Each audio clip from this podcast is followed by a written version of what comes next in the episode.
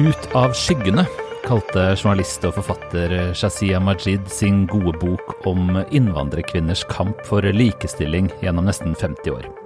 Lenge har nettopp skyggene vært en treffende metafor for rommet som har gjort omfattende og skadelig sosial kontroll mulig blant minoriteter i Norge. Men i familien Raja Ansar er det ikke lenger så mye som ligger i skyggen.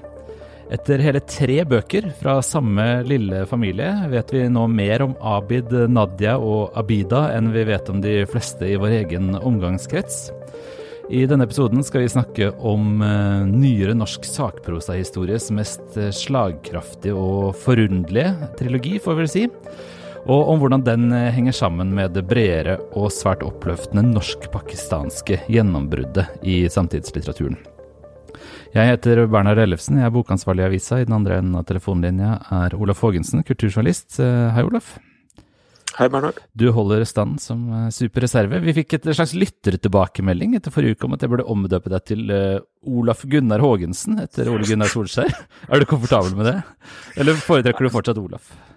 Jeg foretrekker Olaf, altså. Ja. Okay, ja, greit. Da går vi for det. Um, ja, vi skal snakke om en um, en litt spesiell bok, vil jeg si. Eh, det er Nadia Ansar, som er uh, psykolog uh, og, og uh, kone, kona til Abid Raja, har som har skrevet en memoarbok, 'Min skam'. som kom nå denne uken. Og det er jo da tredje bok på noen få år fra, fra samme lille familie, får vi vel si? Ja, altså Ektemannen Abid Raja ga ut 'Min skyld' mm. for noen år siden. Og så var det hans uh, søster, Abida Raja, som kom med Nei, det var ikke hun som kom med det, det var journalist Håkon F. Høydal som skrev en bok mm. i samarbeid med henne som het 'Abida Raja frihetens øyeblikk'. Mm. Også memoarbøker, begge to, da. Mm. Ja, og nå, nå, får vi altså Vi har jo møtt da Nadia Ansar uh, før, på en måte. Altså Hun er jo selvfølgelig en viktig person i uh, Abid Rajas uh, selvbiografiske bok, som veldig mange har lest. Det er jo en kjempesuksess.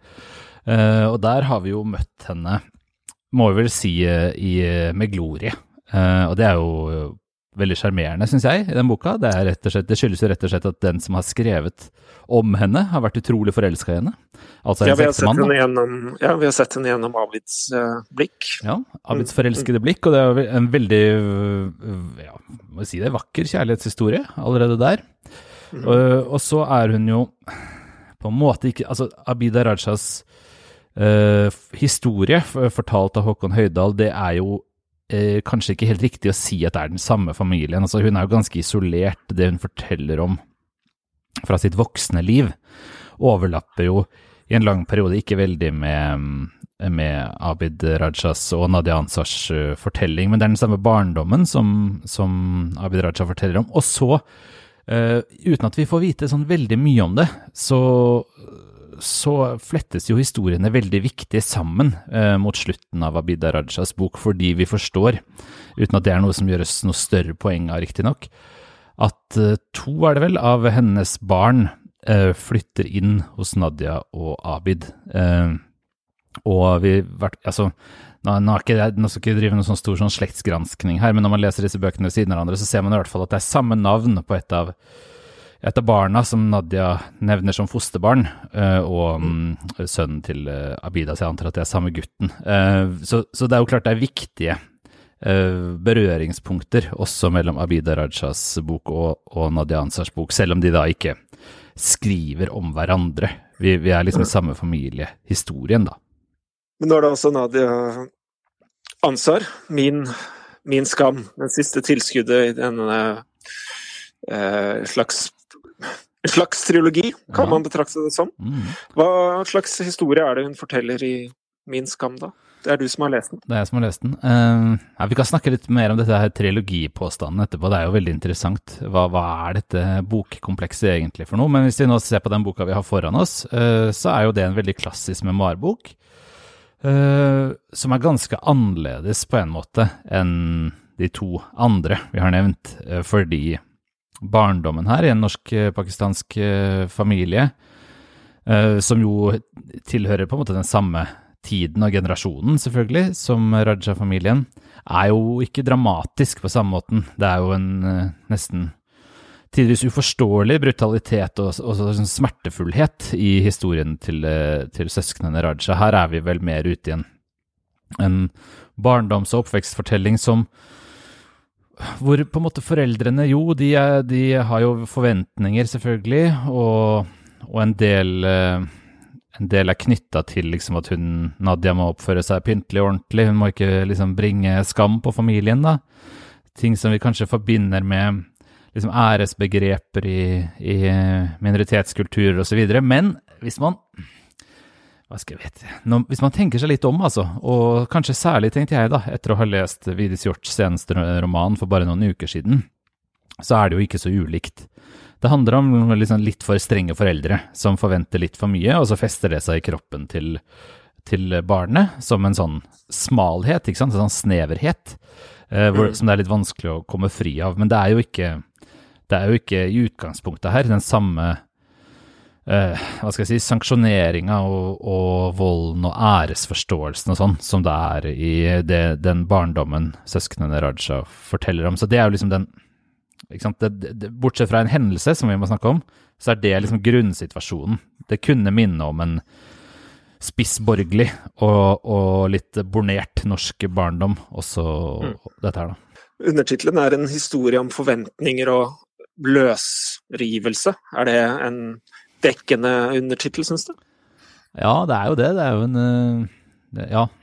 Jeg syns jo ikke denne boken er særlig god. Uh, og denne undertittelen er jo helt uvanlig tørr. Uh, forventninger og løsrivelse.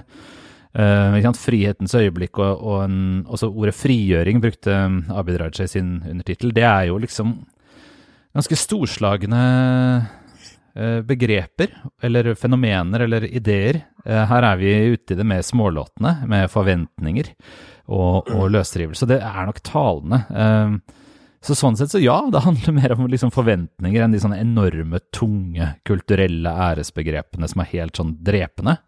Uh, og det handler mer om en løsrivelse, uh, à la den typen kanskje mange må gjøre, enn den store liksom, frigjøringen uh, fra noe helt betvingende.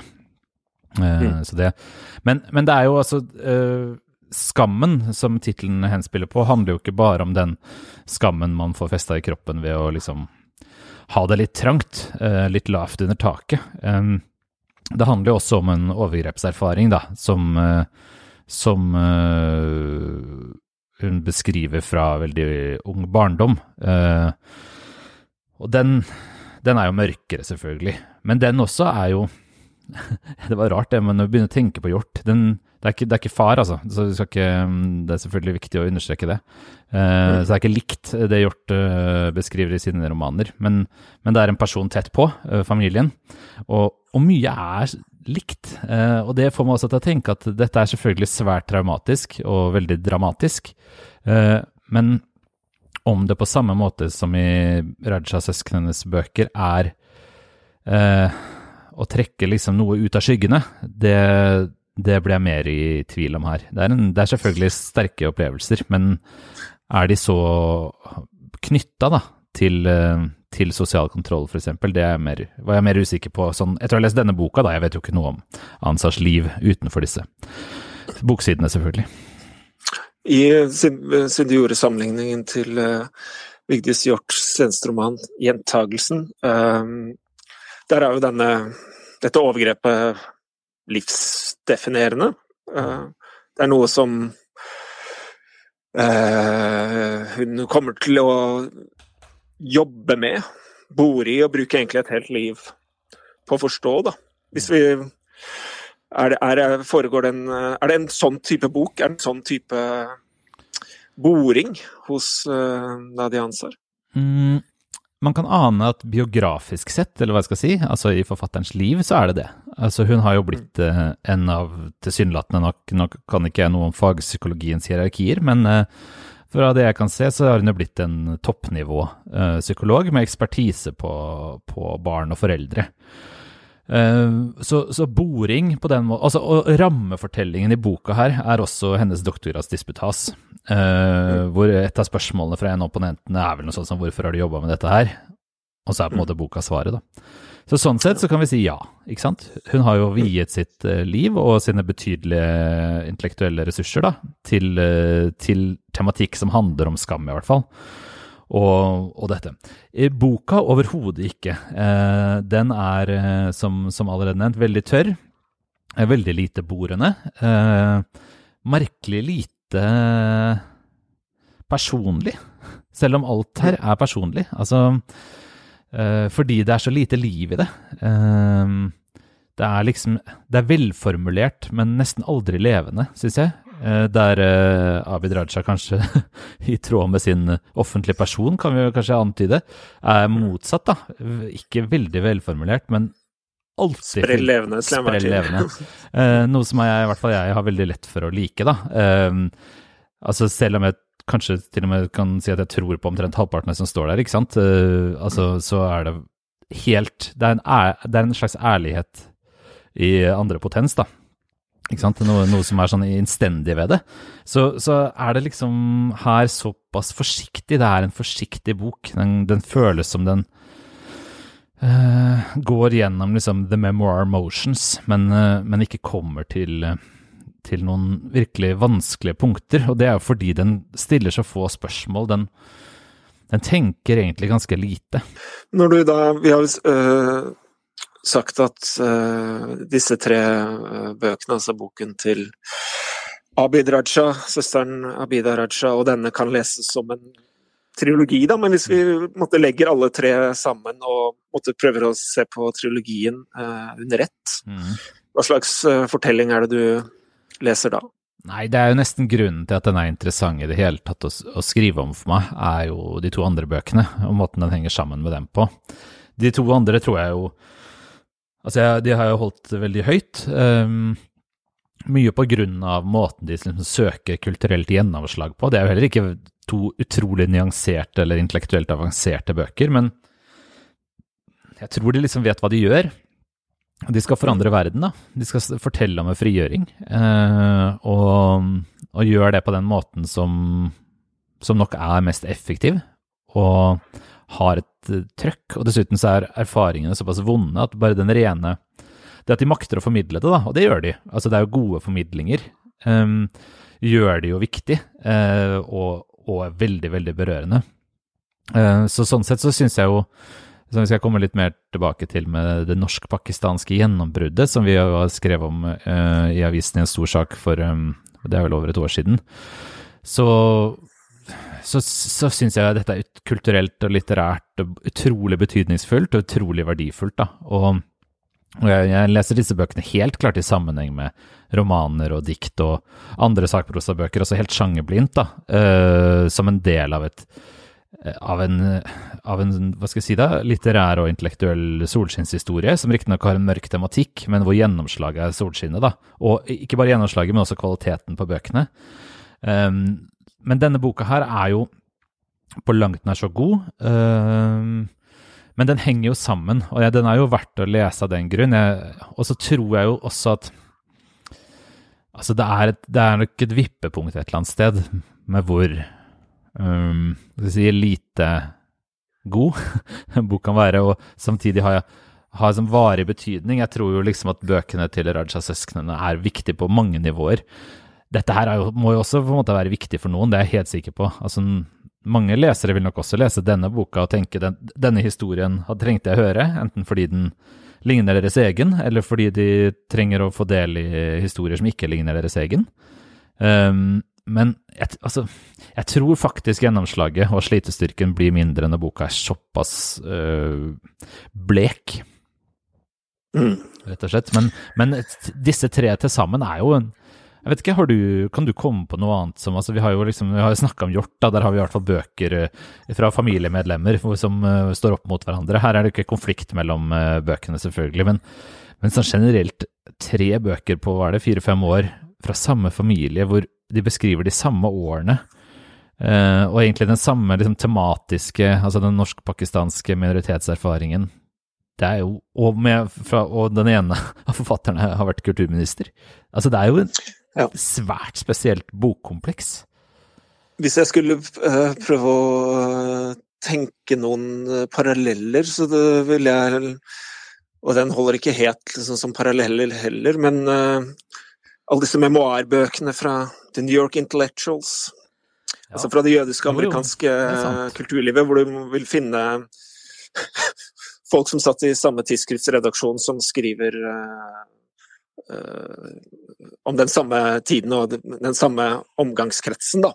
Men det er noe, likevel noe litt annet, da. Ja, det er selvfølgelig noe annet, men jo, det er faktisk en god parallell. Da, for det gir jo i hvert fall en parallell på det som er én spesiell og litt mer sånn triviell, men like fullt uh, veldig merkbar del av leseropplevelsen her. Da. Og det er at vi leser om de samme tingene fra ulike perspektiver, sånn som man noen ganger gjør i romaner. ikke sant? Eh, at, eller Quentin Tarantino-filmer, liksom. At man rett og slett ser nesten samme scene fra, fra ulike steder. Nå, nå har jeg ikke en sånn eh, komplett konkordanse i hjernebarken over disse tre bøkene, men det er jo noen ting jeg husker. Altså snekkerbuksene til Nadia på Universitetsplassen da eller hvor det var, da um, Abid ser henne første gang. De beskrives begge steder. ikke sant? Jeg nevner i min anmeldelse en historie jeg syns er litt morsom, fordi Abid Raja sier at uh, Nadia og jeg var veldig enige om at uh, ski var noe vi skulle drive med. Og vi, vi skulle få oss hytte på fjellet, og det, det, er liksom ikke måte på hvor flott det er med ski, da. Mm. Mens uh, Nadia forteller at, og det forteller Abid også, at han i en lang periode rett etter bryllupet var veldig kontrollerende. Um, og på ganske alvorlige ting, ikke bare på trivielle ting. Men, men, det er jo en del av hans frigjøringshistorie, da, at han klarte å ta oppgjør med det. Og, og, men i hvert fall i den i liksom passasjen hvor hun riktignok beskriver som sagt mer alvorlige kontrollting, så sier hun også at dessuten skulle han bestemme alle aktivitetene, f.eks. at vi skulle stå på ski, for det mente han var sånn bra integreringsgreie. Så da ser man jo selvfølgelig for seg liksom eh, Neimen, Nadia, jeg trodde du jeg trodde du likte å stå på ski. Ikke sant? Så det blir jo noen sånne små, og selvfølgelig trivielle, da, komiske utslag at vi får se um, de samme tingene fra to ulike perspektiver også. Men det er jo i hvert fall Der har vi noe til felles med den uh, hvor de New York Intellectuals alle skrev memoarbøker hvor de var karakterer i hverandres bøker, ja. Men det er klart, dette her er jo også så Det er jo unikt, selvfølgelig, så det er ikke noe vits å sitte og lete etter sånn direkte paralleller. Men jeg tror vel kanskje vi kan heller si at det er verdifullt, da. Det er litt rart, og veldig bra, at uh, denne familien har bestemt seg for å skrive tre så private på en måte bøker um, på dette tidspunktet om akkurat denne historiske og kulturelle erfaringen. Uh, at det rett og slett Det kan jo ikke være noe annet enn verdifullt, uh, tenker jeg. Nei. Hvis vi kan, jeg si, kan, ja, kan jeg si ja. en ting til om disse tre? For det de jo kanskje har til felles, og som, som jeg så vidt nevner når jeg um, skriver om Nadia Ansars bok, Uh, og det ble nok kanskje tydeligere for meg den også, litt fordi hun er fag, altså hun er psykolog selvfølgelig, da, men også litt fordi intensiteten er lavere, sånn at man, man etterlyser mer analyse, noe de, som ikke egentlig kommer. Og hvordan analyse skulle det vært, kan man lure på. Og det, for det er jo ikke veldig mye av det i boken om Abid Raja eller av Abid Raja heller. Uh, men så tenker man at Abid Raja er jo venstrepolitiker, og det, det er liksom noe, han er også en veldig sånn i innvandringsdebatten så har han jo vært veldig opptatt av nettopp at uh, alle må stå på ski, og at man må liksom ikke kritisere ideen om det norske for hardt osv. Og, og det er veldig lite systemkritikk utover litt av helsevesenet, barnevernet og liksom enkeltpersoner, og selvfølgelig mye kritikk av, av den norsk-pakistanske foreldregenerasjonen. Men den norske rasismen, skulle... den, den slipper billig unna her. Det var det jeg skulle komme til. for Hvis mm. man uh, legger eh, forståelsesrammen uh, norsk-pakistansk litteratur rundt det, og bare tenker denne, disse tre bøkene som en del av alle disse romanene, skjønnlitteraturen og andre memoarbøker som er skrevet av nordmenn med pakistansk bakgrunn, så vil man jo se at i dette korpuset av bøker så er en gjennomgangstematikk, og egentlig en tematikk som er med helt fra begynnelsen, fra Kalle Husseins bok 'Pakkis', er jo da rasismen fra storsamfunnet. Det er et sånn gjennomgående tema i denne litteraturen, da, fra Kalle Hussein og helt opp til uh, Sishan Shakars uh, 'Tante Ulrikkes vei'. Så det var egentlig det som var uh, spørsmålet mitt. Hvordan den forholder seg til en av disse store eh, temakompleksene i den eh, norsk-pakistanske litteraturen. Nei, Den trilogien er da altså litt sånn på underlig avstand fra det veldig viktige temaet. da. Og det er ikke det at det ikke er til stede, det er selvfølgelig til stede. Eh, og det er, det er der eh, både mellom linjene og enkelte ganger på linjene. Men det vektes ikke eh, på samme måten som hos Shakar, f.eks. Altså, I 'Tante Ulrikkes vei' så er jo eh, liksom guttas opplevelse med rasisme som barn er noe av det mest minneverdige. Det er liksom det som fester seg i kroppen. Eh, det er skammen, på en måte. Eh, I hvert fall en stor del av den. Uh, og også syns jeg at Shakar følger det i sin seneste roman også. Uh, både direkte med hvordan han blir sett på når han går Altså fortelleren blir sett på når han går i et nabolag hvor det kanskje er færre mennesker med ikke-hvit hud. Eller uh, selvfølgelig fortellingen om, om, farens utenforskap i Norge, rett og slett. Vedvarende utenforskap. Så det er jo litt sånn følelse, og det er litt interessant også kanskje da, å se på forskjellen. Nå er jo ikke disse forfattere man eh, legger rett ved siden av hverandre. Der er, forskjellene er eh, større enn likhetene eh, mellom Shakar og Abid Raja f.eks. Men det er klart at Shakar er jo Man får jo følelsen av at han rett og slett Hva skal jeg si, da? At det, at det er liksom mer sosialdemokratisk i gammel forstand. Altså det er mer sånn systemet. Det er, det er mer, mer, Blikket er litt mer festa på kollektive strukturer. Uh, litt mer på sånn På hva fellesskapet har for ansvar, da. Og ikke bare familiefellesskapet eller enkeltmennesket. Så det, det er nok en nyanse jeg syns ikke er betydningsløs, uh, faktisk. Selv om, selv om de jo i, fra hvert, hvert sitt litterære ståsted, hvert sitt uh, personlige ståsted, betrakter en ganske distinkt kulturell erfaring, altså den norsk-pakistanske minoritetens historiske erfaring.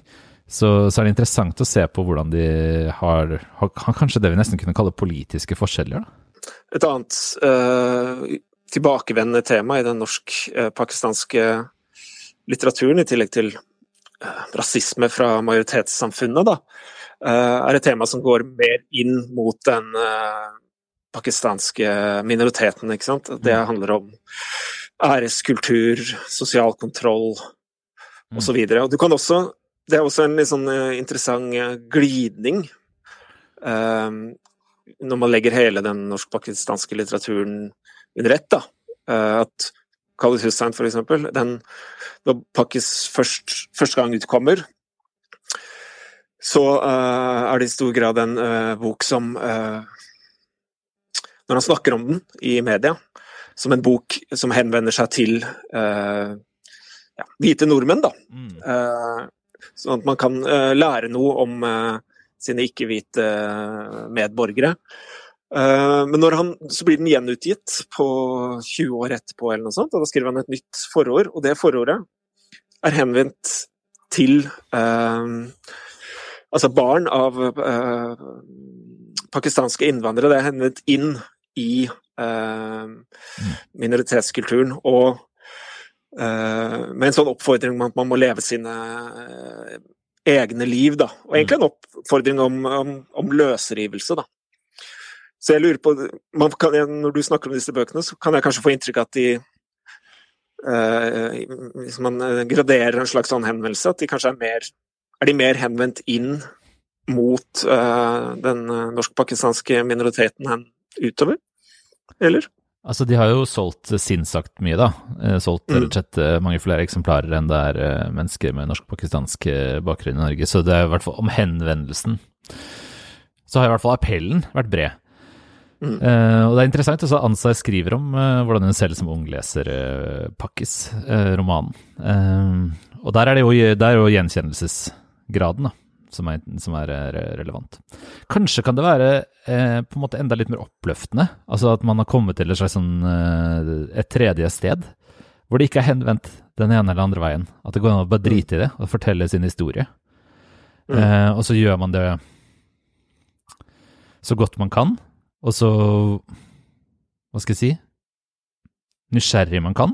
Prøver å liksom være nysgjerrig på sitt eget liv og for, formidle det videre med nysgjerrighet. Og så treffer det både innover og utover, da. Eller Uh, så altså, jeg tror Jeg føler Det er, det er liksom jeg syns også denne henvendelsen, for i og med at altså, da vi snakka om norsk-pakistansk litteratur sist i denne podkasten, da vi skrev denne store saken i fjor, så, så trakk jeg parallellen til en annen type minoritetslitteratur som jeg har jobba mye med, som er den jødisk-amerikanske. Og der er jo den distinksjonen veldig levende. ikke sant? Det, det, finnes jo til og med et eget språk, sånn at det er jo en del av den amerikanske jødiske litteraturen som er skrevet på jiddisch, og noe som er skrevet på engelsk. Og da er det jo veldig tydelig om man prøver å fortelle ut liksom, eller om man uh, skriver uh, for den, den, veldig tallrike minoriteten som det jo var i USA.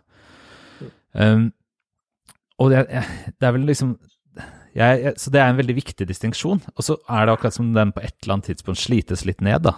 Og, og det føles som en veldig oppløftende ting. At uh, man ikke må enten liksom være pedagogisk for de hvite, eller være tilbakeholden for uh, den egne kulturen, eller, eller sånn, men kan, kan, prøve å fortelle, da, rett og slett. Kan mangelen på systemkritikk uh, uh, Eller kan det, den store leserskaren som har trukket disse bøkene, kan det ha å gjøre noe med med mangelen på systemkritikk i det. Altså, det er lettere å sitte og lese om en minoritet som hvit nordmann, hvis kritikken ikke ramla selv, så å si. Ja. Nei, Det er et veldig godt poeng. Og så er det fristende å si ja. Særlig for oss som ønsker oss mer systemkritikk, så er det veldig fristende å si klart det. Uh, dette tråkker ingen nordmenn på tærne, derfor uh, kan alle nordmenn lese det.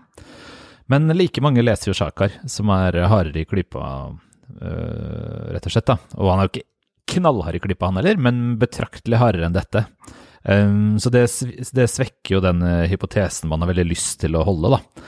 Om at uh, ja, det er, litt, uh, det er, litt, snilt, derfor er det mange som liker det. Men sånn trenger det jo ikke nødvendigvis å være. Så kanskje spiller det litt inn, men det er jo ingen liksom, Det lar seg ikke bevise noen direkte motsetning mellom bred appell og et visst element av sjakis, liksom, mot den større kulturen. Så vanskelig å si, altså. Men det som uh, Altså, det er jo klart Den store anklagen er jo mot foreldregenerasjonen i, i disse bøkene, men den blir mye sterkere i eh, søsknene Rajas eh, eh, bøker, fordi det er eh, mye mer å anklage eh, foreldrene for i det tilfellet. Det er altså Det er tross alt en vesensforskjell eh, mellom det Nadia Ansar beskriver, og det Rajane beskriver. det er såpass brutalt altså en såpass brutal barndom. Og ikke minst med sykdommen til Abid Raja, som blir gjenstand for den mest hårreisende medisinske behandling i Pakistan, så, så er det snakk om liksom en type vold da, som, som, befinner seg såpass langt unna det Nadianse beskriver, at det er ikke liksom gradsforskjeller av samme erfaring. Det er rett og slett eh, en annen historie de um, søsknene har å fortelle når det kommer til den første delen av livet, altså den barndom og tidlig, tidlig ungdom. Så det er jo mm. selvfølgelig en en distinkt ting, rett og slett. Det er ikke sånn at fordi dette er den norsk-pakistanske minoriteten, så er dette den samme historien. Det, der er forskjellene vesensforskjeller, rett og slett. da. Likevel ligner de to bøkene veldig på hverandre. Altså Nå mener jeg ja. hvordan de ser ut, liksom. De ligner ja. i utforming, titlene mm. ligner. Ja, det er, er, er Hva tenkte du da du så disse to omslagene ved siden av hverandre? Har du, har du sett de sånne ved siden av hverandre? Jeg har det. Uh, nei, altså uh, Det ga jo en slags oppfølgerfølelse. Ja. Er ikke det rart, da? En bok eh, som har løsrivelse i tittelen og handler om å handler om å koble seg fri fra patriarkatet, og så, så er boken oppfølger til ektemannens memoarer. Føles det som. Altså, vi snakker jo om to bøker som Uh, sant, Har samme skrifttype, samme grafiske oppsett på forsiden. Det er fotografier av forfatt de respektive forfatterne som barn, på omtrent samme tidspunkt, med, i samme liksom, hva skal jeg si, estetikk, samme 70-tallsaktige miljø. Uh, Abid Rajas navn er slags, et slags sitat på forsiden av, av Nadia Ansars bok. altså Det er et sitat inni fra boka, men som nevner navnet Abid, så at du skjønner uh, for hun har jo ikke hans etternavn, så vi aner jo liksom at de har eh, satt hans fornavn på boka for å liksom gjøre koblingen. For den ufattelig tungnemme bokhandlerkunden, da, som vel knapt kan forventes å lese en hel bokside eh, uten å ramle av, eh, som skal, skal, få med seg at disse to like bøkene ikke hem, altså faktisk henger sammen. Ikke sant? Så det er jo um, teskje-mating fra aller um, mest opplagte hylle, da.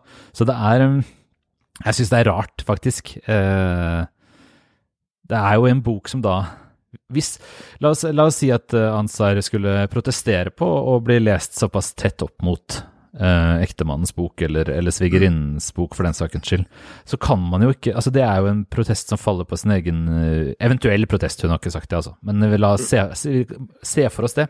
Så vil det jo falle på sin egen urimelighet bare på bøkenes omslag. Så det er jo veldig førende for, for lesningen, må vi si.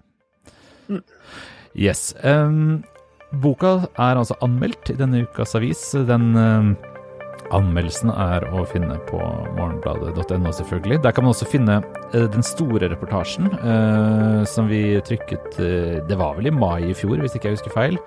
Om den norsk-pakistanske litteraturens gjennombrudd, som vi altså har hintet til her flere ganger, og som var en veldig interessant undersøkelse. På morgenbladet.no kan man også abonnere på avisa. Det håper vi alltid du vil gjøre. Og så mm, snakkes vi igjen eh, neste uke, Olaf Gunnar Hågensen. Takk for praten. Selv takk.